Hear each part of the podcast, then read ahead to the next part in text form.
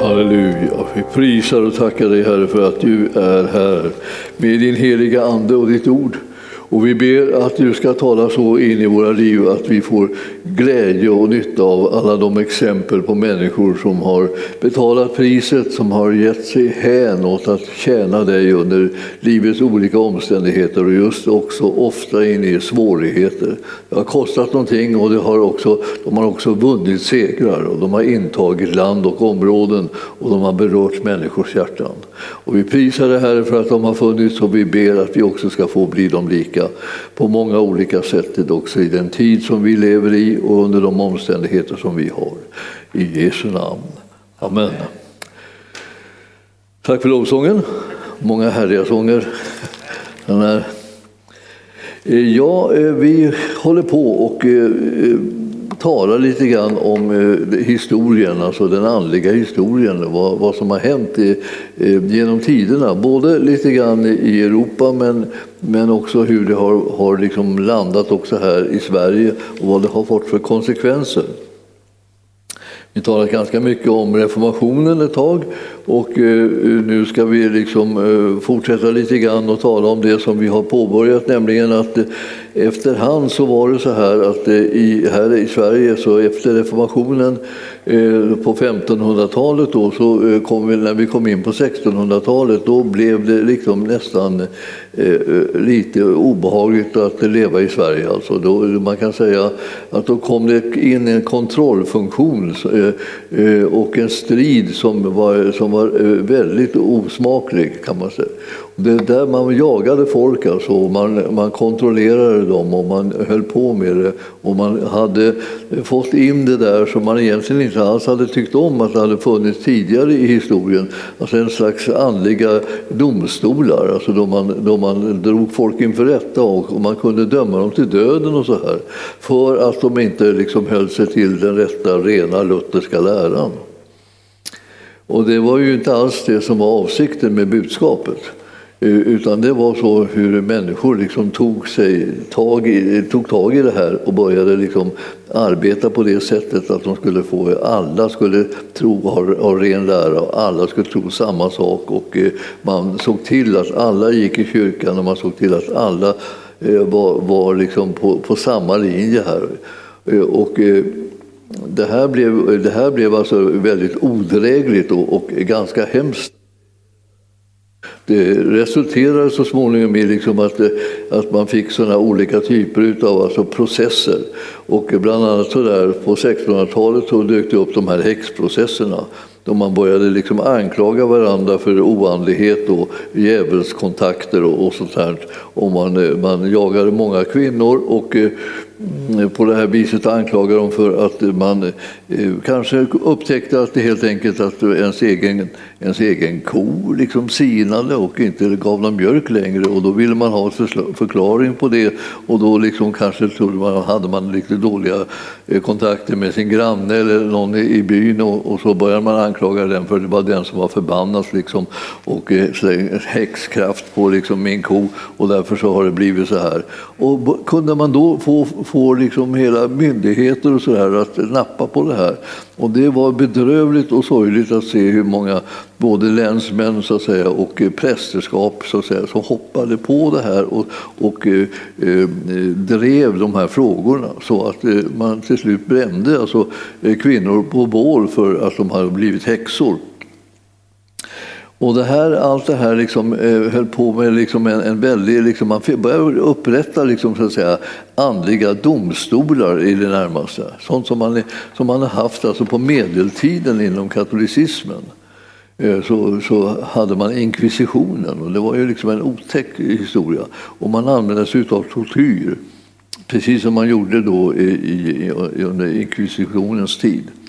Så att det här var ju, det, var ju, det hela var ju liksom riktigt eh, eh, otäckt. Och, eh, eh, för att säga det här, man kan inte riktigt säga det tillräckligt, men alltså de, de, de var så benägna, liksom, de landsförvisade folk och, och de avrättade folk och, och de kontrollerade folk och, och de förstörde liksom människors liv eh, genom den här typen av kontroll som var.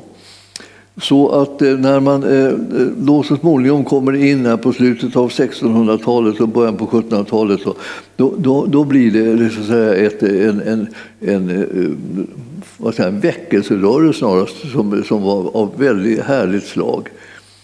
Alltså, världsligheten var samtidigt ganska stor inom kyrkan som sådan. Prästerskapet var liksom väldigt, väldigt vad ska jag säga, förflackat. Eh, och de kunde inte riktigt eh, handskas med situationen på rätt sätt. De ville, de ville vara som folk, alltså, de söp och de svor och de, och de härjade på olika sätt. Eh, och sen det enda som de absolut inte fick göra, de fick inte avvika från läran. Men deras liv var alltså annars under, under, under all kritik många gånger. Det fanns naturligtvis sådana präster också som var av god kvalitet men, men det, här, eh, det, det här världsliga livet hade spritt sig ganska eh, rejält. Och nu blev det då en väckelseperiod som, som vi kallar för pietismen. Och den, det var egentligen tänkt som att det skulle vara en beteckning som skulle vara, eh, visa förakt. Alltså när man sa att någon var eh, pietist då betyder det liksom att den, var, den, den gick omkring och med näsan i luften och gjorde sig frommare än alla andra. Därför att man ville ta sin tro på allvar. Ni kommer att märka liksom att det inte är så där enkelt som att en kyrka som man tillhör blir glad nödvändigtvis om man börjar ivra för tron. Utan, utan det kan hända att man tycker liksom att, att, den, att man, man, man märker att de börjar känna det som kritik. Om du brinner för Jesus så är det inte säkert liksom att alla hurrar, liksom, alla dina ledare hurrar, eller dina, dina, dina, dina eh, pastorer och, och, och, andliga ledare och på olika nivåer, att de blir glada över det. Utan de tycker liksom att du försöker eh, kritisera dem för att de inte liksom håller samma andliga standard som du har. Och så, så, så, tolkar de det många gånger. Och så var det liksom under den här tiden då pietismen kom. De, den, den världsliga kyrkan, om vi säger, eh, den, den kände sig väldigt kritiserad av, av de här pietistiska människorna. De, de, var ju, de var ju hängivna, de ville lägga bort all världslighet. De tyckte inte att man skulle supa och svära när man var kristen. De tyckte inte att man skulle klä sig liksom pråligt och sådär. De tyckte inte att man skulle ägna sig åt liksom eh, sådana världsliga nöjen så, sådär, och, eh, som går på krogarna och, och, så. Och, eh, därför så blev det hela så väldigt, väldigt kämpigt liksom för, för de som var, tillhörde den vanliga etablerade styrande kyrkan att, att handskas med det här. De tyckte att varje gång som de såg en sån här liten from person gick där, och de var ju då så sydliga ni vet att på de här tiderna så, så här, klädde man sig ganska påtagligt, fro, eh, eh, liksom mycket, mycket krimskrams liksom, och många spetsar och fantastiska hattar och, och plymer och grejer. Så här, när man, man, och, och då var det bestämt alltså vilka som fick ha de här hattarna, hur stora plymerna fick vara, hur, hur breda blätterna fick vara på hattarna, hur mycket krås man fick ha hängande över händerna. Alltihopa liksom var styrt efter vilken, vilken grad grad på, liksom på samhällsstegen där man befann sig. Ju högre upp man blev, desto mer grejer fick man ha på sig. Och, och så vaktade man då på att ingen försökte kliva ut utanför det som var ens rättigheter, det nivå som man hade förtjänat. Och så nu då, så då, då reagerade då de här pietisterna så att de slängde av sig allting oavsett liksom vad det var. Så gick de i vadmalsdräkter, liksom en slags ni vet, så här, stelat gråa grejer som var, eh, och såg inte Alltså inga peruker, ingenting så här.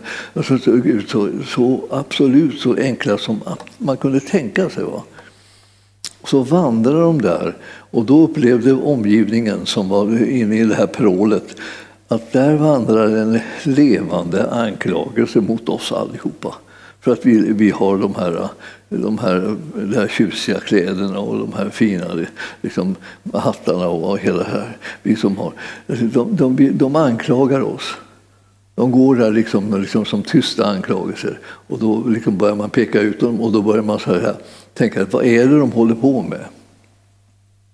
Ja, de höll på med någonting som så småningom blev liksom för, helt förbjudet. Alltså, de hade andliga, eh, andlig gemenskap. De samlades i små grupper, de bad tillsammans, de läste Bibeln ihop, de sjöng sånger, eh, andliga sånger. Eh, det hette eh, Moses och Lamsens visor de här, eh, de här sångerna som man sjöng inom pietismen. Eh, de läste uppbyggelselitteratur av olika slag. Bland annat så var det en bok som hade kommit eh, ut som var en, en av de där pionjärböckerna kan man säga. Som hette, liksom, det var alltså skriven av Spener och den hette, vad var den hette? Pia Desideria. hette den, ja. Det alltså betyder fromma önskningar eller fromma målsättningar. Och så vart, hur man ville bli, hur man skulle kunna tjäna Jesus, hur man skulle kunna följa honom och så vidare. Det, det ville man liksom verkligen liksom få del av. Och nu, nu var det ju så att på 1600-talet fortfarande så var det ju inte så där allmänt spritt med någon slags läskunskap. Utan det var någonting som successivt började komma liksom, genom de här väckelserörelserna. Så började det komma liksom så att det framträdde människor som var intresserade och ivriga för att lära folket att läsa. Och det hade ju också e-, egentligen haft att göra redan med reformationen. Att eh, eh, Luther han skrev ju ganska många böcker av olika slag. Och eh, de är ofta många små tunna böcker också som, som gick, att, gick att läsa för vem som helst om man bara kunde läsa. Alltså. Och då, då, och, då, och då blev det liksom fler, fler och fler som försökte dela med sig av sin kunskap när de började eh, komma och eh, över de här samhälls, eh, olika gränserna som fanns i samhällsskikten. Så började de, började de dela med sig av, av kunskapen att läsa. Och det var ju också så att Luther han skrev ju på det egna språket, alltså, det vill säga han skrev på tyska och, eh, och Olaus Petrus han översatte de här böckerna till svenska och, och sedan så kunde folk nå dem. Och det var också det, till exempel katekesen och sånt här kunde man då lära sig. Och, och det var meningen att man skulle lära in den också så att det, så att det, var, det hela var ju ganska viktigt, särskilt med tanke på när man skulle gifta sig så fick man ju inte gifta sig mindre än att man kunde, kunde katekesen då. Eh, och eh, lilla, Luthers lilla katekes, det är en mycket liten bok. Alltså, den är sådär tjock ungefär och sedan så är den, är den sådär stor och så. Det var inte mer än sådär. Liksom. Den är väldigt, väldigt enkel och det är bara, där, där får man, läser man frågan och där läser man svaret. Och man ska svara precis som det står. Alltså. Som man lärde sig utan till så att säga. Frågan och svaret. Så. Och det här, det här resulterade ju i att man eh, den som kunde läsa av det här paret som hade lust att gifta sig, den tragglade med den andra så att den lärde sig de här, svara rätt på de här frågorna. Och eh, det var ju ofta så att det var kvinnorna som var mer benägna liksom att, att, att, klara av det här, att lära sig läsa lite enklare. Eh, så de satt och tragglade då med, med någon bonddräng som de ville gifta sig med. Att, att skulle, han skulle lära sig de här sakerna nu. Liksom. Och, det, och, och, så där höll det på då, för att, liksom, att de skulle få tillstånd. Så skulle man gå upp och, så, och så skulle bli testad då, att man kunde det här. Och kunde man det här då skulle man kunna liksom, vara, vara duglig för äktenskap. Då. Så det där var ju ett sätt att, liksom, att sporra dem till att lära sig andliga skrifter. Det var ju tur att man inte begärde hela Bibeln. det här, men det här, ni förstår att det här var, det här var, en, det här var en utmaning. Alltså det här. Och, och de som hade kommit med eh, den här undervisningen så till lite fler så där, än bara prästerna och prästernas utbildning, det hade varit munkarna. Men munkarna hade man gjort sig av med, så att det, det var ju, de, hade, de var blivit förbjudna. Så när man kom in i reformationen så blev det liksom munk och nunnefritt. Eh, det vill säga deras funktioner. Men däremot kan man säga att det fanns säkert sådana som hade varit det då, som nu liksom fick gå in i andra uppgifter helt enkelt. Om de inte flydde landet då. Man kunde fly landet också, fly, och det här munk och nunnerörelserna var ju internationella. Så att man, kunde ju, man hade ju folk från andra länder eh, som var med i, i svenska eh, kloster. Och eh, motsvarande så, så kunde svenskar vara i andra kloster ute, ute i Europa och leva där. Och, och man lärde sig då också att kommunicera mycket på, på latin. Så det språket var liksom vår tids engelska, om vi säger så. Eller de, flesta, de flesta fick tag i det om, om de hade någon form av studieordning. Och det hade man ofta på, på, på klostren, att man, man lärde sig en del. Och då lärde man sig också ofta läsa. Då också. Så att det här var nu, det, nu en, en ny, ny tid då, då den, den lutherska eh, liksom, kontrollapparaten satte igång. Och eh, det där, den, var, den, var, den var nästan lika hemsk alltså som, som den här katolska hade varit under den tiden som man, som man hade eh, jesuitordnarna igång och, och kontrollerade eh, människors åsikter och tankar och värderingar och sådär. Och eh, ni, ni ska, man ska alltid se upp med, med det här och vaka över det.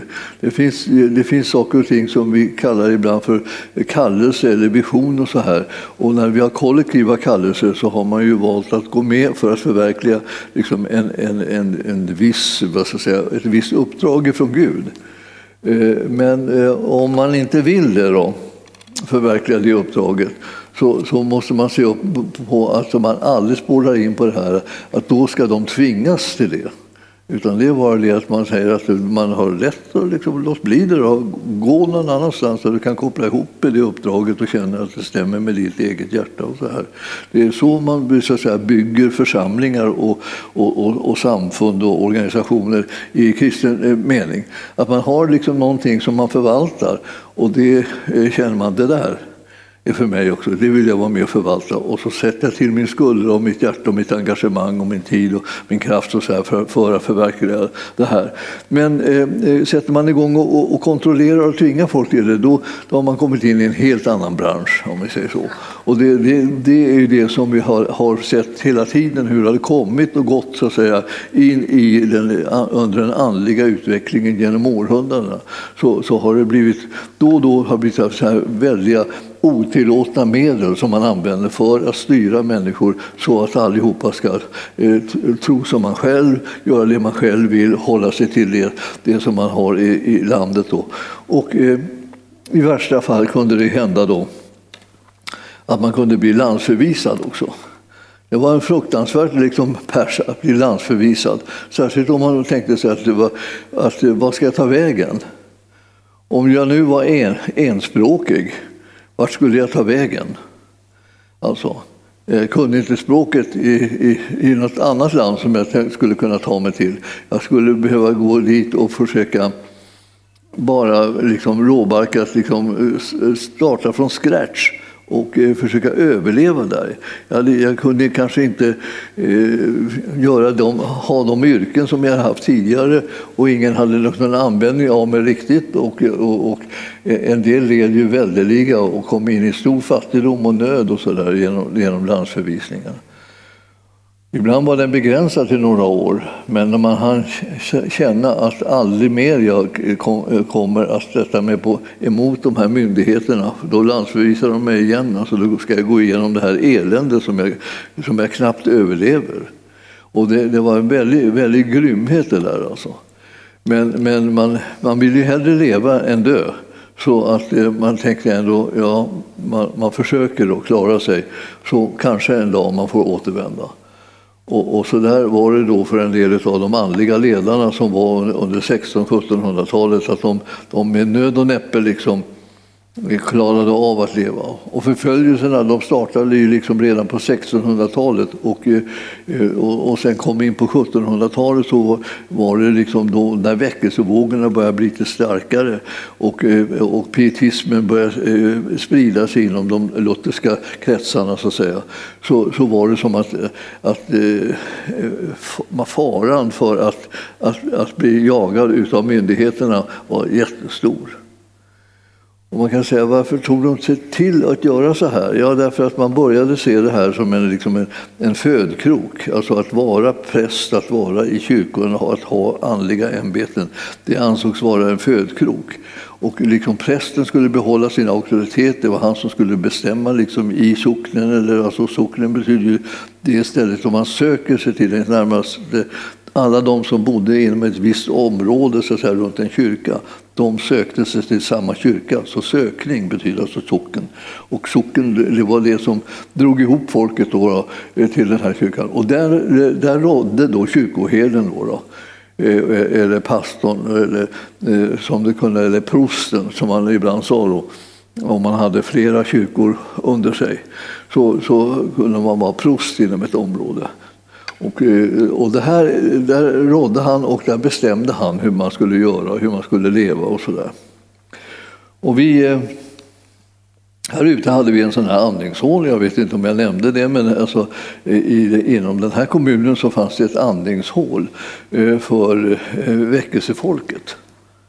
Det var ju ganska lustigt, det är ju liksom det som är i, i, ligger i Bro vid Leondalsjön. Där ligger Lejondals slott. Det är ett senare påhitt, så säga, romantiskt bygge. Eh, men, men eh, det var Lejondals gård fanns ju.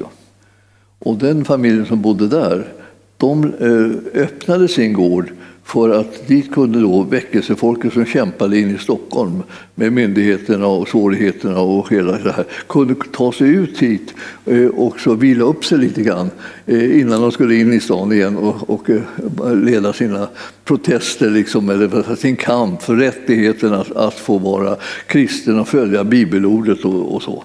Att det här var liksom en sån, sån här riktig, riktig så att säga, ställe som, är, som man inte kunde riktigt eh, tåla här ute. Så eh, både prästen och, och länsman och, och biskopen och allt möjligt var här och jagade dem därför att de, de hade inte döpt sina barn heller. Då. För de trodde nämligen inte på barndop.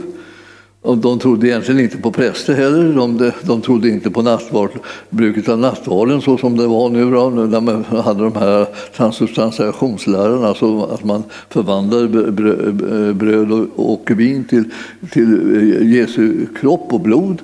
Eh, och, eh, och sen hade man ju eh, i, i lutherska kyrkan hade man en liten annorlunda variant som hette konsubstantiationsläran och konsubstantiationsläran det var ju, det var ju betydde att det, det, båda sakerna fanns närvarande på en gång. Så man undrade då, ja men det smakar ju bröd, ja just det, men det, det finns också där. Men under det här yttre, att det smakar bröd, och känns som bröd och knaprar som bröd och vad vi kan säga. Så fanns ju liksom hans kropp närvarande. Också. Så man liksom hade båda delarna. Då, så. Och det var blod och vin, det var på samma sätt. Så man behövde inte oroa sig för att det smakade vin, för det, det, det skulle smaka vin. Eh, och så löste man det frågan eh, inom lutherdomen. Då, då. Medan eh, de här som var i, allmänhet kom liksom från, från eh, vad ska jag säga, den andliga sfären, de, de människor som var, hade frälsningsvisshet, de som visste att de var frälsta, som hade blivit födda på nytt, att de trodde på eh, det gudsordet och att de praktiserade det och de levde efter det liksom, och lät sig ledas av det. De som hade blivit berörda av den heliga Ande och så här. De, för de människorna, de, de betraktade det här som, som en, en symbolisk handling, alltså en symbolisk gärning. Eh, både själva dopet var symbol för att man dog och uppstod med Jesus när man blev frälst. Och, eh, och eh, nattvarden, liksom, där, där var det, det att det var en symbolisk handling för att vi, vi bekänner oss till Jesu död och, och uppståndelse. Och det är, det, hans död och uppståndelse är liksom, så att säga, vår frälsningsgrund. Och det är, eh, står för det förbundet som är i hans blod. Så att hans död så att säga, och offergärning genom, genom den här döden, det var liksom det som var själva grunden. Och det här eh, sa man, det här är en symbolisk gärning. Vi påminner oss om att vi är i förbund med Jesus. Och han, hans blod har utgjutits och han har gett sitt liv och han har blivit död och begraven och på tredje dagen har han uppstått igen. Och det är därför som vi firar söndag också. Amen. Ja, så att vi, allt det här liksom hängde, hängde ihop. Då, då. Och, och, som, att det var, var det att man ville inte ta det här som någon slags eh, liksom, eh, vad ska jag säga, mystisk förvandling utan man ville ta det som en påminnelse om en andlig sanning istället. Eh, det, det här accepterade man inte i den lutherska kyrkan. och Den lutherska kyrkan var enarådande kan vi säga.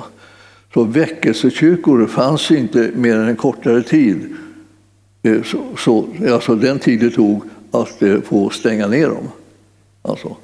Och eh, det kunde ta några år innan man fick kläm på vilka som var med och var de, var de träffades och lite sådana här saker, för de hade ju inga kyrkolokaler. Utan det var ju så att de träffades i hemmen eller möjligen ute i skogarna och sådana här saker som man, man försökte göra då. Det kunde man inte göra vintertid här i Sverige utan då måste man ju vara då eh, i hemmen. Och i hemmen fick man ha andakter bara med för, eh, familjens medlemmar. Så eh, då var det en del som tänkte ut det här liksom och sa ja men vi kanske skulle kunna eh, starta kollektiv. Så att alla vi har allting gemensamt precis, vi lever som en familj. Men, men vi är inte en familj så att säga, att vi inte är släkt, utan vi är bara Eh, andlig släkt, om vi säger troende, som lever tillsammans. Man hade ekonomi ihop, man hade liksom arbete ihop i hemmet och så vidare. Man, man, man bodde under samma tak och, och, man, och man skötte alla systrarna som var i hemmet så här, gemensamt. Och det gjorde det liksom att man blev ännu svårare att upptäcka eh, för myndigheterna. Eh, var, var, hade vi, hur, hur ska en familj se ut? Då? Och de kunde ha andlig, då ha andlig gemenskap och det var tillåtet. Så de kunde ha bön och, och psalmsång eller något eh, liknande och så kunde man liksom passera. Liksom, så att inte det, ingen upptäckte att det var en, en, annan sort av gemenskap. Det var, den var liksom verklig andlig gemenskap. Det var inte bara liksom en, en liten tradition som man hade som andra, andra, på andra ställen. Man hade traditioner att man hade aftonbön eller morgonbön och sådär. Alltså, det var ju liksom sånt som på den tiden var vanligt. Medan vi, vi, vi, nu för tiden är inte det vanligt heller. Vi har, liksom, vi, vi har inte bara liksom eh, tappat själva vanan till eh, som tradition att vi gör någonting andligt eller någonting som liknar andligt, utan vi har tappat bort alltihopa. Liksom, kan man säga. Så att om det är någon som gör någonting andligt nu för tiden, eh, då, då, då har det ofta liksom en, en slags andlig betydelse och, och kan få en andlig effekt också, om det är så att folk lyssnar på det som sägs eller vad man sjunger. Man tänker så här, de säger ibland så här, ja, mm, eh, eh, det var jättejobbigt att jobba i den och den församlingen, men eh, det var i alla fall så. Bibeltexterna var fortfarande bibeltexter som vi läste. Och psalmerna var ju fortfarande uppbyggliga psalmer, det vill säga de talade om att Jesus för världen givit sitt liv, öppnade ögon, Herre med giv. Ja, ingen dum bön, alltså en perfekt bön. Vem som helst skulle vilja bedja den bönen om man är intresserad av att komma nära Herren. Och den kunde man sjunga ut. Då, då och på det här viset så fanns det liksom hela tiden kvar vissa bitar som, som var av äkta vara, så att säga, som kunde hjälpa människor att komma i kontakt med Gud. Medan inte, inte nödvändigtvis att de kom i kontakt med Gud. Och det är likaså prästerna kanske inte var frälsta och då tyckte de här väckelsefolket att det är väl det minsta man kan begära, att prästen åtminstone är frälst, det vill säga att han tror på det som han håller på och gör här. Och han, ska han ha predikningar, ska han ha bikt, ska han, ska han sitta liksom och liksom vägleda människor andligt sett om han inte tror på det själv? Ja, det tyckte de flesta liksom att det, det var inom den lutherska kyrkan, det var ju helt i sin ordning. Prästerna behöver inte vara frälsta, de behöver bara hålla sig till läran. Och det här, liksom, det här var ju så stötande då för väckelsefolket som tyckte att där de hade fått möta Jesus personligen och blivit frälsta va? och mött den heliga Ande, så här, de, de tyckte vi är, vi, inte, vi är inte i närheten av varandra. Ni, ni, är något helt annat, ni är något helt annat än, än vad vi håller på med. Och då kunde de också till och med säga då det här, pingst, eh, inte, inte pingst, men pietistiska, nu säger väl Pinks kanske det, sa det i alla fall förr, att de tyckte att kyrkan mer var liksom ungefär som antikrist. Alltså det var liksom någon mm, som motarbetade det kristna budskapet. Man krävde inte liksom att människor skulle ha tro på det som, eh, de, som vi läste, som vi, som vi bekände oss till och så här. Utan, utan eh, man, man tyckte att det gick bra att vi bara gjorde det där på, på, i det yttre. Så att säga. Och det här gjorde nu att när vi, när vi kommer in i de här pietistiska leden så kommer det bara väldigt radikala personer som dyker upp. Det kostar nämligen dem nästan livet alltså, att fortsätta att vara pietister. Eh, och de visste vad så, de kommer att bli landsförvisade, de kommer att bli, de kommer att bli dödade. De kommer att bli fängslade, de kommer att råka ut för tortyr och allt möjligt sånt här. Ägnade eh, man sig åt liksom inom, med domstolsväsendet och inom andlig, alltså av andliga skäl. Så, eh, så torterade man folk för att de skulle släppa det som de trodde på. Och, eh, och, när de fick tag i kvinnorna då, så sattes de på spinnhus, som det hette. De är sånt, eh, vad ska jag säga, eh, fängelse för kvinnor. Och det betydde också det att då råkade de ut för tortyr. Och de eh, torterades och eh, rådbråkades på ett sådant sätt att de så småningom liksom gav upp sin tro och böjde sig och sa att det var kyrkan som hade den rätta läran, alltså den lutherska kyrkan och ingenting annat. Och, och, en, och en del av dem dog i fängelse Eh, under, under de här perioderna. Liksom, och det var, var, det var en fasa alltså, helt enkelt.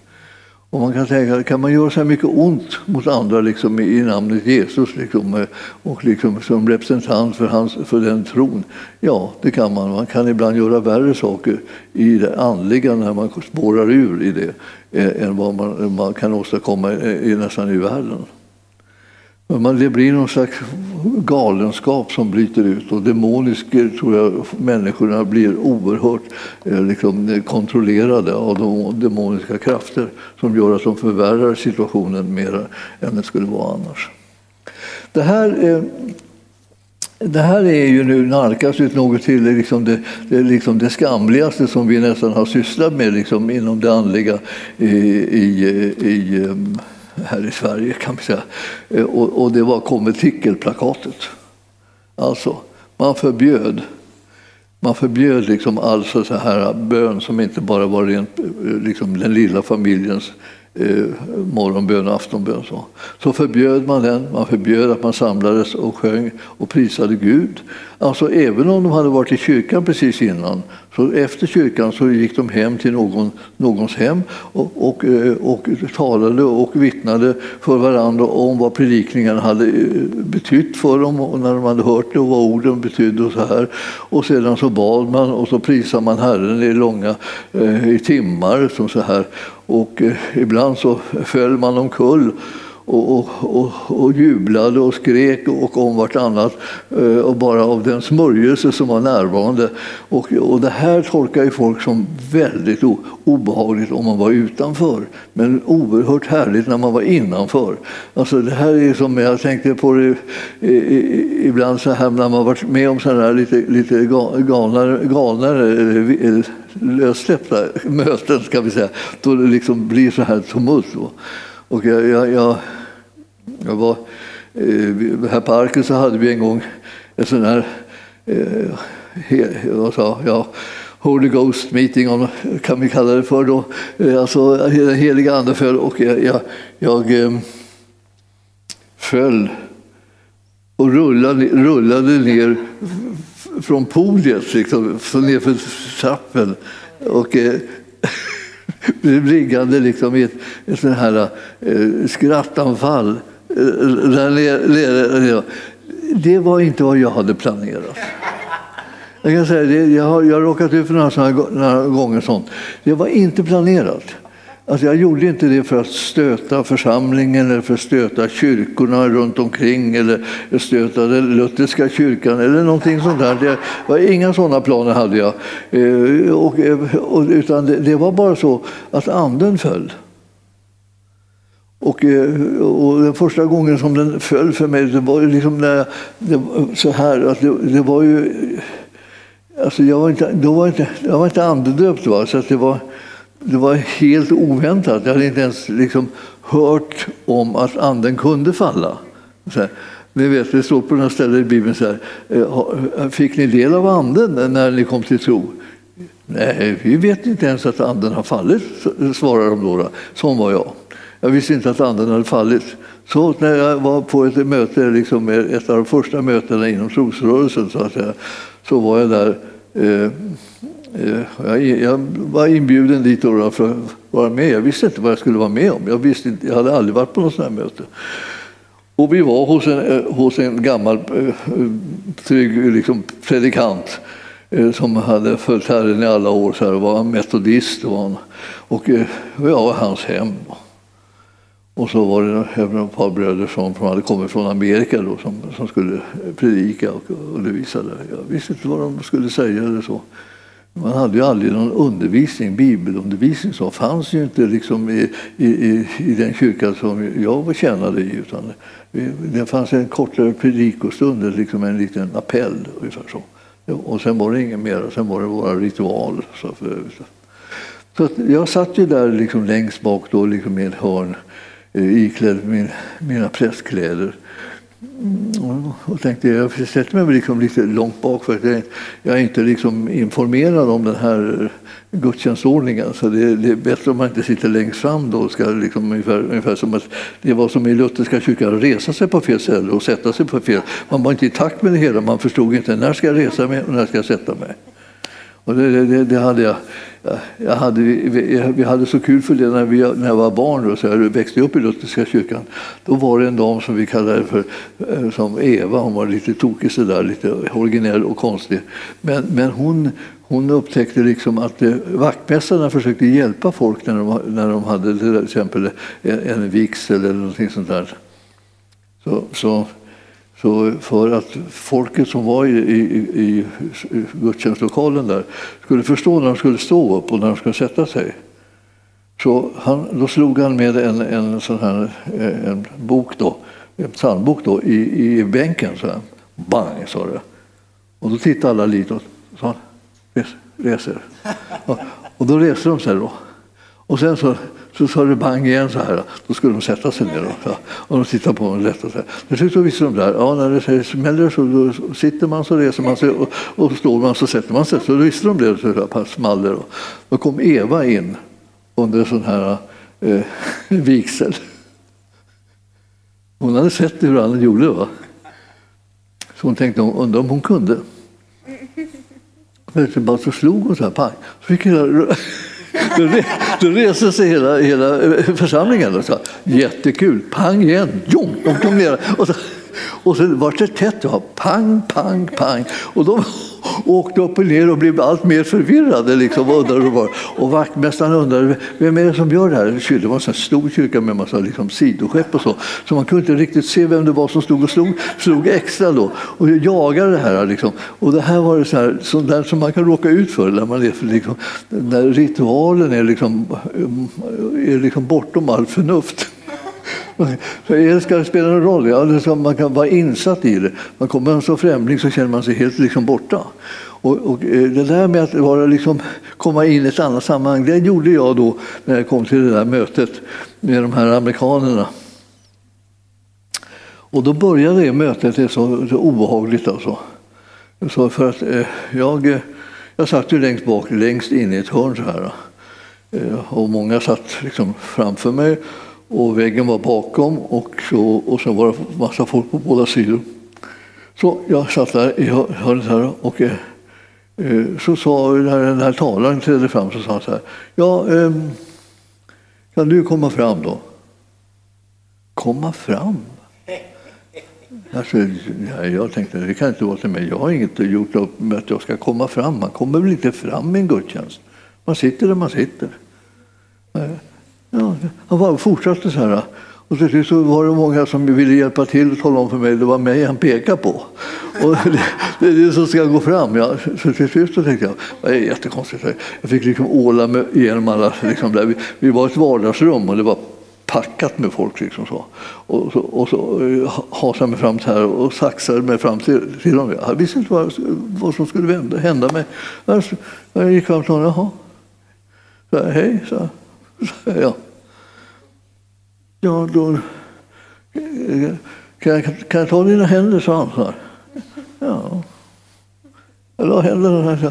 Han tog tag i händerna, satte han igång och be. Jag råkade ut för ett tryck som jag aldrig varit med om. Alltså, det tryckte mig bort ifrån honom. Han stod och höll i mig. Alltså, han höll, höll mig liksom kvar. Då. Och så bad han och så bad han och så bad han och så bad. Liksom. Och jag, jag hade full sjå och liksom för, förstå vad det är för konstig situation. Liksom. jag, jag står här, och han drar i mig och, och samtidigt så får jag ett, ett, ett press åt andra hållet. Och till slut så sa han amen, så släppte han mig. Brak. Jag bara föll, jag föll bara rakt i golvet. Och, så. Och, och då när jag skulle ta mig upp så kunde jag inte komma upp. Jag fick inte upp huvudet. Alltså. Jag fastnade i golvet. Och jag tänkte, jag låg, jag låg. Och då hörde jag liksom bara så, att han hade satt igång och undervisa. Då. Och där låg jag. Va, liksom. Jag tänkte att jag ska försöka åla mig iväg, men det gick inte heller. Alltså, hur jag liksom försökte så kunde jag varken åla mig eller resa mig eller göra någonting. Jag bara låg där. Va. Och jag kommer ihåg att jag låg, så fick, huvudet var så lite snett. Och jag tittade lite där åt sidan, så här ner mot golvet. Då låg det massor med sladdar. De har gjort en ganska provisorisk lösning. Då, då. Så kan det se ut ibland i kyrkor också. Liksom. Man får en liksom provisorisk lösning. Det är så mycket sladdar va? så att det liksom det räcker. Men, men där, jag såg de här sladdarna jag tänkte så här, jag ligger alltså här på golvet och det här är en massa sladdar och jag, och jag förstår inte vad det här går ut på. Liksom. Och sen så eh, blev det rast då och då gick de då. Ska de gå ut och fika sa de. Och jag låg ju där fortfarande då. Och jag tänkte, vad, är, vad är det som händer mig? Alltså? Och jag visste inte varför jag låg där och jag, jag, jag visste ingenting alltså, om detta. Alltså. Jag, var ju, jag var ju bara en luthersk präst. Alltså. Om jag var någon kyrkadjunkt eller någonting sådär, kanske en kommunist. Jag var nog kommunist på den här tiden. Alltså, vi hade inga sådana här vanor där jag var. Inte ett dugg. Va? Vi hade överhuvudtaget inte den heliga ande. Det var ju sånt där vi pratade om. Eh, pingst, det var ju då man pratade om lite att nu snart, bladen snart ut, eh, knoppas och, och så där, livet kommer. Så där, pratade man lite poetiskt då.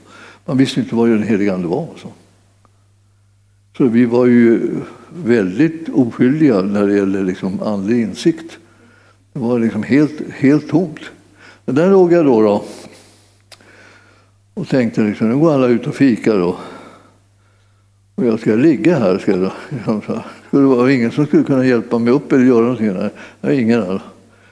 Men så efter ett litet tag, så, det, så där när jag har legat där, det är svårt att bedöma tiden, så, så börjar jag känna att jag börjar lossna med huvudet från golvet. Så, så, då lossnade det, så, så, så då började jag sakteliga krypa mot en stol. Och så fick, kom jag upp i stolen, så satt jag där ett tag och så småningom så, så kände jag att jag kan resa mig. Jag tänkte att om jag skyndar mig så kanske jag kommer ut och får en kopp kaffe. Liksom, så. Och så när jag gick ut då, då var det folk som hela tiden sa till mig så, så, Åh, vad välsignat, vad välsignat, sa de. Vad välsignat. Jag, jag förstod inte vad det var som var välsignat. Alltså. Och det här var liksom, alltså, det här var ett okänt ritual för mig. Och eh, när jag tänker på det i efterhand så tänker jag så här, ja det var egentligen väldigt bra att det var det. Därför att annars hade jag nog eh, eh, undrat om det var riktigt, om det var sant, om det, eller om jag gjorde mig till. Men alltså någonting mer fjärran än att jag skulle göra mig till så, så att jag skulle kasta mig i golvet och fastna där, det, det, det, får man leta efter. Så det var absolut inte något som jag hittade på. Och han gjorde det inte heller, för jag kände att han höll, höll i mig. Det var bara det att han släppte mig sen. Och, och, och då blev det det där resultatet. Man kan säga det att eh, eh, olika ritualer de fyller ibland en funktion som man kan säga man kan orientera sig i det andliga som sker. Eh, om man känner till ritualet, om man känner till ordningen, om man känner till öppenheten för vissa skeenden liksom i en gudstjänst så kan man liksom, eh, liksom foga sig vid det på ett annat vis. Eh, om, om ni har märkt någon gång om det är någon som skriker våldsamt som sitter bredvid er, eh, som ni plötsligt bara skriker, så, så, så tycker du först att det eh, känns lite, lite överraskande och läskigt. Men sen efter ett tag så kan du tänka, tänka en tolkning att, det, det liksom, att den har fått, på något sätt har blivit berörd antingen av Herrens ande eller fått liksom ett utslag av, av onda andar eller, eller något annat sånt här. Man tänker ändå i de där banorna att det finns liksom, kan, möjligt att det kan röra sig om det, sådana saker. När det gäller de här, eh, eh, de här pietisterna så var de ju de blev mer och mer så att säga, radikala och mer och mer ivriga liksom, att stå till Herrens förfogande. Och, och eh, den heliga Ande kom mer och mer liksom in i, i mötena. Och, eh, och då var det en del präster som blev väldigt störda av att, att de kom ju, alla kom ju ändå till högmässorna. Så de kom till högmässan och så plötsligt kunde någon skrika våldsamt högt liksom, i högmässan och eh, eh kyrkoherden eller prosten som hade eh, det här eh, gudstjänsten blev ju väldigt störd och kunde liksom nästan tappa fattningen liksom, om vad den skulle göra över att det var några som skrek så hemskt. Och, och han började förfasa sig över det här och ville att man skulle få stopp på det. Och, och, då började han dra in myndigheterna för att man skulle liksom lokalisera vad det är för några liksom galningar som sitter i mötena och skriker. Liksom. Och eh, sådana där, såna där saker bidrog till mer och mer så att säga, man började ta upp frågan hur det, hur, hur det egentligen är med de här, de här, de här folket som jag håller på med sitt andlighet fast det inte är tillåtet. måste man inte sätta stopp på det på något sätt? Måste man inte ta itu med det? Så det till och med blev så att säga, eh, sådana här regeringsärenden. Man tog upp det liksom i, i, också i, i riksdagen och började diskutera det här, hur man skulle göra för att hejda de här människorna. De verkar inte friska. Va? De kanske skulle in på sinnessjukhus. Och det var många som tur blev anhängare då till det. Och en del ville att de skulle fängslas, och en del ville att de skulle landsvisas och en del ville att de skulle avrättas. Och, och alla möjliga sådana här saker kom man fram, fram, till då. Så att det där började man göra då. Eh, och, och förfölja dem på det här viset. Och det, det här krossade ju många människors liv. Alltså. Och det, här, och det var, det var, det var en, en del av de här eh, pietisterna de var ju också väldigt socialt engagerade. Alltså. Det fanns ju sådana som eh, hade, var väldigt intresserade av att starta skolor, precis som eh, Laus Petri hade gjort. Att eh, starta skolor för vanligt folk. Alltså. För barn, för att de skulle liksom få en chans i livet att kunna komma någonstans, så, få, få en utbildning också. Och, och så, man ville liksom göra någonting för de här fattiga barnen. Då. Och, och, det blev ju så här att allt eftersom liksom städerna växte så blev ju liksom barnaskarorna och, och som bara sprang vind för våg. För föräldrarna måste jobba liksom så långa dagar att det, det, de blev väldigt så här, utlämnade. Och eh, eh, då var det härligt med de här som, som, som tog sig an dem. Man, en del startade ju barnhem, men, men det här med skolor hade ju att göra med deras framtid och utbildning och det betydde ju också en hel del.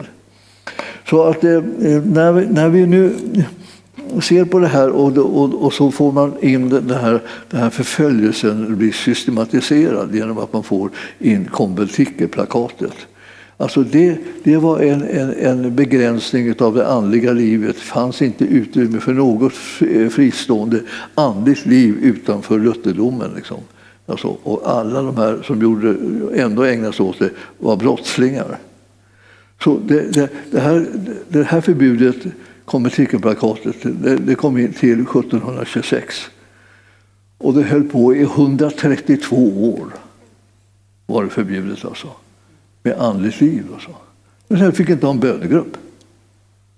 Man kan tänka, fick inte sitta och läsa Bibeln och dela med någon uh, uh, om bibelordet. För det var inte, det, det var inte din eh, roll i, i samhället, utan det fick man inte göra. Man fick inte sitta och sjunga andra sånger, andliga sånger än de som var, var i psalmboken. Och så höll det på. Alltså man, man, man, var helt enkelt helt, man blev helt galen på det. Och att, att någonting så negativt kunde ha så lång livskraft, det, det är liksom, eh, så att säga, eh, häpnadsväckande ändå. Och eh, då, många av de här som var med i, i de, bland pietisterna var ju också präster. Så det fanns en del, hel del som var liksom andligt, liksom blev andligt gripna och upptäckte vilken, vilken härlighet det var att få liksom ett, ett verkligt andligt liv. Och man kan säga att det är fortfarande så här idag. Det är, man, man kan märka att en del människor liksom får, får liksom den välsignelsen att de upptäcker att det finns ett andligt liv som inte bara är ett ritual alltså, utan är så liksom på riktigt. Man känner att hela ens liv har blivit förvandlat. Man känner att man tänker och tycker och, och värderar och, och prioriterar på ett helt annat sätt. Man, man tänker, vad är det som är viktigast i ditt liv? Så här, och bör, folk börjar svara Jesus. Ja. Medeltid, vilken, vilken förändring. Alltså, vad, vad svarade du förr i världen? Ja, det glömmer vi. Det kan vara något helt annat. Det kan vara liksom bara det viktigaste i mitt liv. Ja, det, är, det är vad jag kan, eller min utbildning, eller mina, min, min begåvning, mina, mina, mina gåvor som jag har fått och så här, som jag kan förvalta, eller min, min familj och släkt, eller vad du vill. Så här. Det, det, det är det viktigaste i mitt liv. Men, men det viktigaste nu är, är självklart alltså för den som har blivit född på nytt är Jesus. Alltså jag kände liksom att det här var ju så sagolikt underbart liksom att, att, så, att så många folk var så modiga. Och det finns ju jättemånga namn, men jag tänkte eh, liksom att eh, jag vet inte hur pass många som har fått tag i den här lilla boken, men, men om, om, om ni har fått tag i den som heter Pionjärer utav eh, Stig Hellson så, så Eh, är ni bara gratulera. Då kan ni läsa liksom lite grann om det där, de här namnen. Alltså, eh, många av dem har ju betytt ofantligt mycket. Liksom. Och, eh, eh, man kom, många, kom genom, genom, från Tyskland och så där Eh, Eh, och, och så småningom när vi ska senare tala lite grann om Hernhutarna så, så, och, och Sinsendorf så kommer vi också tala om att man blev, vi blev befruktade så att säga, andligt sett ifrån Tyskland. Och så började eh, det eh, dyka upp kyrkor och, och, och liksom embryon till kyrkor eh, och här också som har hernhutisk karaktär. Och det var egentligen en fortsättning på pietismen.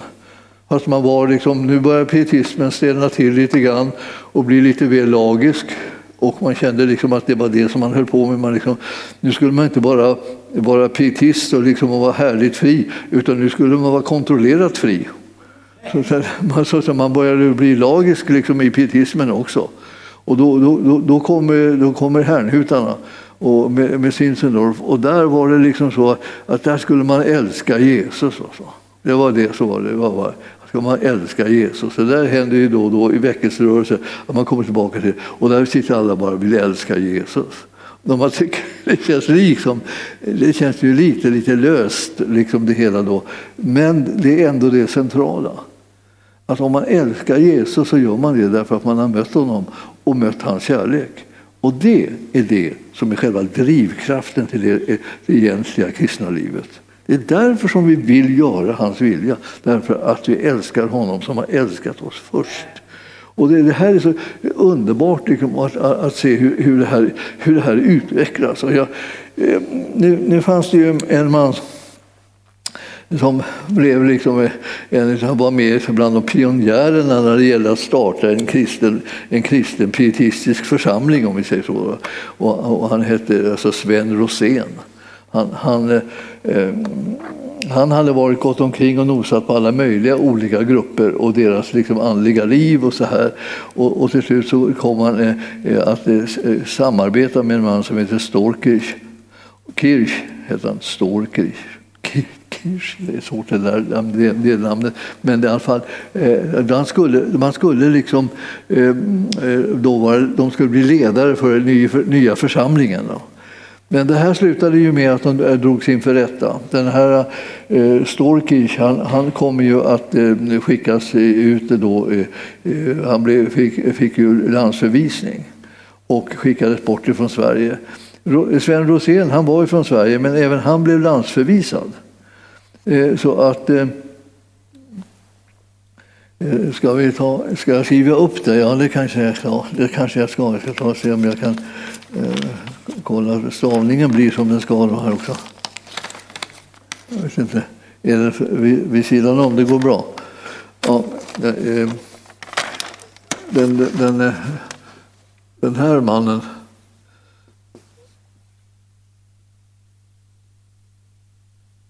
Rosén och så hette den andra eh, eh, Stor, stor Kirsch. Så tror jag det var sådär Kirsch. Stor, stor Kirsch. Ja, det är inte lätt när man heter sånt här namn. Eller kanske man... I alla fall, landsförvisade blev de. Eh, och eh, de hade, han hade varit, alltså Sven Rosén han hade varit runt lite, lite härstans, eh, lite varstans så att säga, och kommit att, att kontakta olika strömningar av pietismen. Och eh, bland annat så var det, fanns det, fanns det ju eh, på, i, på Södermalm så fanns det liksom en, en, en, en sån här eh, grupp som också tillhörde de här eh, gråklädda personerna.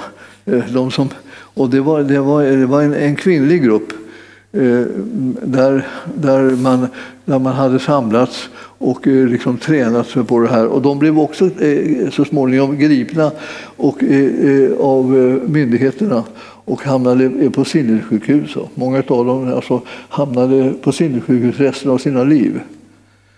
Och, och, och en, del, en del blev avrättade. Och man kan tänka, hur kan du reagera så fruktansvärt hårt på de här? Alltså, ja, det var ett hat utan like. Alltså, någonstans i botten så tror jag att det låg i att många präster kände att de, eh, de förlorade sin auktoritet genom att de här grupperna uppstod. De kunde inte styra dem, de kunde inte kontrollera dem och därför så tillkallade de då, eh, de eh, polismyndigheterna.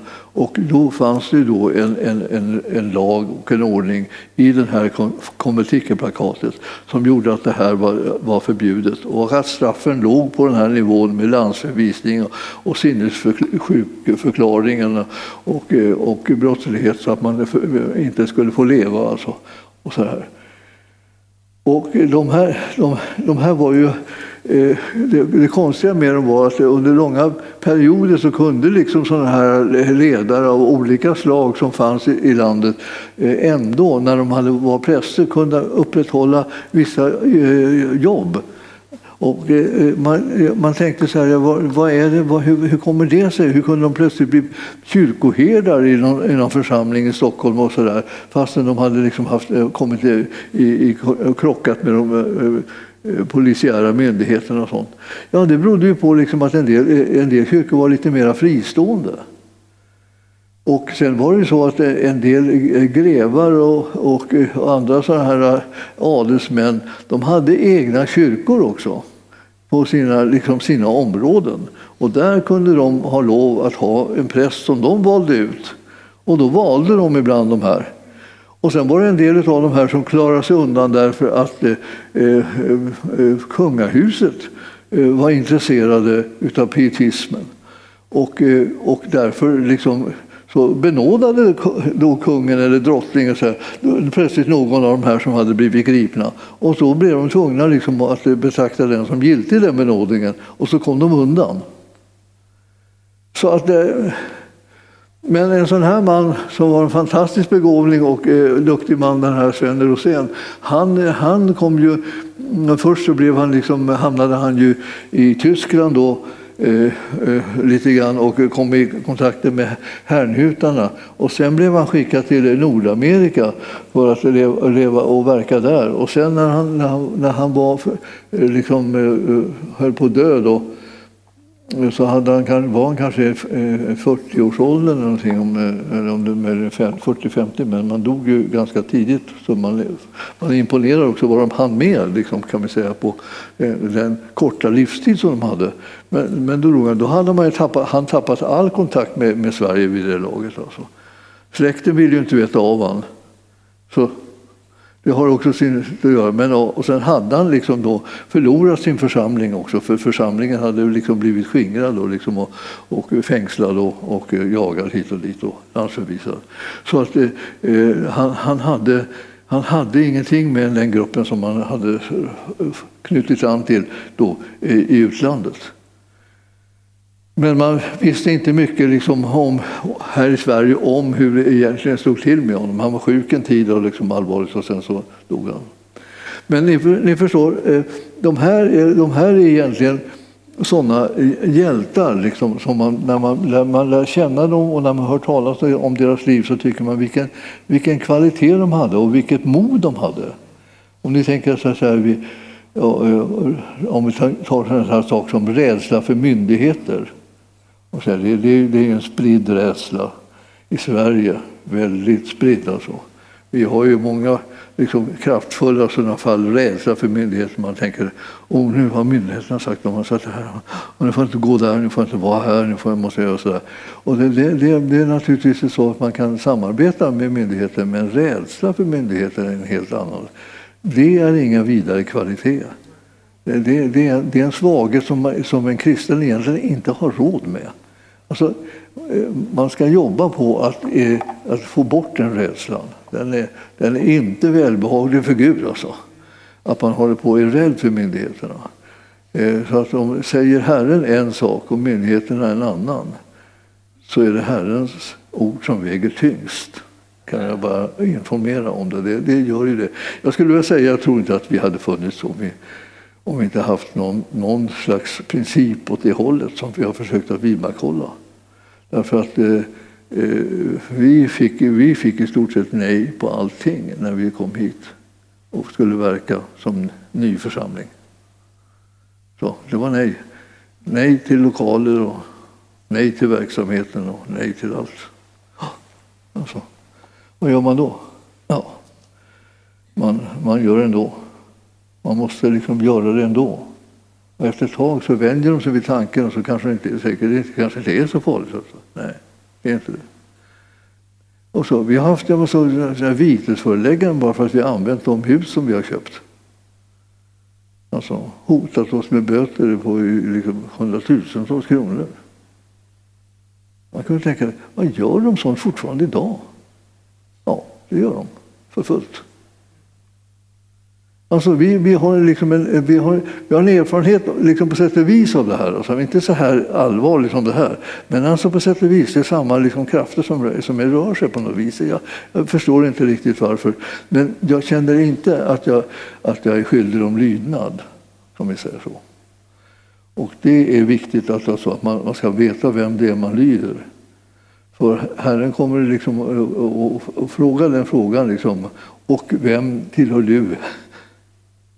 Om du skulle vilja svara på den då, liksom, för, med tanke på det här. Så man kan göra upp de här sakerna, man kan vara rädd ibland och man kan vara, liksom, och man kan vara ynklig på olika sätt. Eh, men man kan be Herren om förlåtelse om man blir förlåten. Men man måste komma ihåg, vad är, det jag ska, vad är det jag ska rusta mig för? Jag ska rusta mig för att vara Jesu lärjunge. Det är det viktigaste i ditt och mitt liv, alltså, att vi är Jesu lärjungar. Så eh, det finns många saker som vill bestämma över oss och så. Och man ska vara, man ska vara, man ska vara barmhärtig och man ska vara omtänksam och man ska vara allt möjligt finemang sådär, eh, liksom i förhållande till människor och eh, omgivning. Men man är först och främst en Jesu lärjunge. De här vågade vara Jesu lärjungar fastän hotet mot dem var något alldeles groteskt. Alltså. Jag tänkte, när jag läser om dem så känner jag mig liksom, liksom ynklig liksom, i jämförelse. Jag tänker så här, jaha, hur vågar de? Alltså? Och skulle jag våga inta den här positionen som de gjorde? Ja, jag måste ju säga, det, det känns inte som jag skulle göra det. Nu kan man inte veta det här. Det är ungefär som när man frågar, eh, skulle jag vara beredd att lida martyrdöden? Eh, jag tror ingen i förväg liksom på allvar säger att det är jag säker på att jag ska vara. Eh, utan, men, men å andra sidan, det kunde hända att när jag kom till kritan och situationen var där, att jag ändå skulle göra det, att välja den vägen. Man kan ju hoppas. Men alltså, i, i förväg så vill man ju inte dö. Varför skulle det vara för, vad skulle det vara för nytta med det? Ja, för en del var det ju så att det, deras död blev till större nytta än deras liv. Så, så man hör om de, de, som har offrat sina liv genom kyrkohistorier så här, så är det ju en del som har gjort det och eh, fick sådana konsekvenser för så många människor blev frälsta och så starkt berörda och att de, att de blev Jesu lärjungar och kastade sig in liksom i, i, i en djärv kamp liksom för att stå för evangelium i den här tiden. Världen och den kristna församlingen är ju liksom två olika eh, områden, om vi säger så, två olika fält. Alltså, det ena är liksom representanten för ljuset och det andra för mörkret. Och Gud älskar alla människor för att han vill att alla ska komma in i hans rike. Vi kommer att gå liksom och föra människor och hjälpa människor att komma ut ur mörkret och in i ljuset. Det är vår kallelse. Och människorna som finns i mörkret, de är inte hatade av Herren. De är älskade av honom lika mycket som han älskar dem som är i ljuset. Gud älskar alla människor. Det är liksom nästan kämpigt att tänka sig. När, när man, när man, om man råkar ut för förföljelse på olika sätt och, och komma ihåg då, då att Herren älskar de här människorna. Han älskar inte att de förföljer andra, men han älskar dem. Och han, han, har gett sitt liv och han har dött för dem också. Så att frågan är ju mera, hur ska jag kunna förmedla evangelium till dem på bästa sätt? Och eh, det här är det som många av de här väckelsefolket fick ta ställning till. Och de fick betala väldiga pris för att kunna klara av det här. Och vi kommer att eh, eh, se nästa gång att tala lite grann mer om härnhutarna. Det var en mycket speciell och mycket föraktad grupp eh, på många sätt och förföljd. Men, men eh, det var också en grupp som, som gjorde enorma insatser för att nå ut med evangelium på de mest otänkbara områden. Alltså. Och jag, jag, eh, ledaren där var en, var en, liksom en greve, Zinzendorf. Ludvig hette han väl, Ludvig Zinzendorf.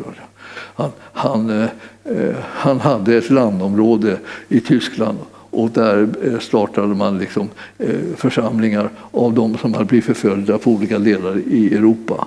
Så kom de flyende liksom till hans grevskap. Och där byggde de så att säga upp eh, ett, en, en, en, ja, nästan som en, en stad blev det till slut. Och så mycket folk som kom och bosatte sig där.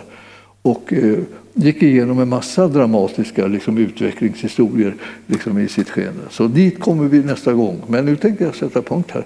Och, och eh, så eh, tackar vi dig Herre för att du har kunnat göra någonting nyttigt av det här som jag har talat och eh, att det ska kunna väcka tro i människors hjärtan. I Jesu namn. Amen.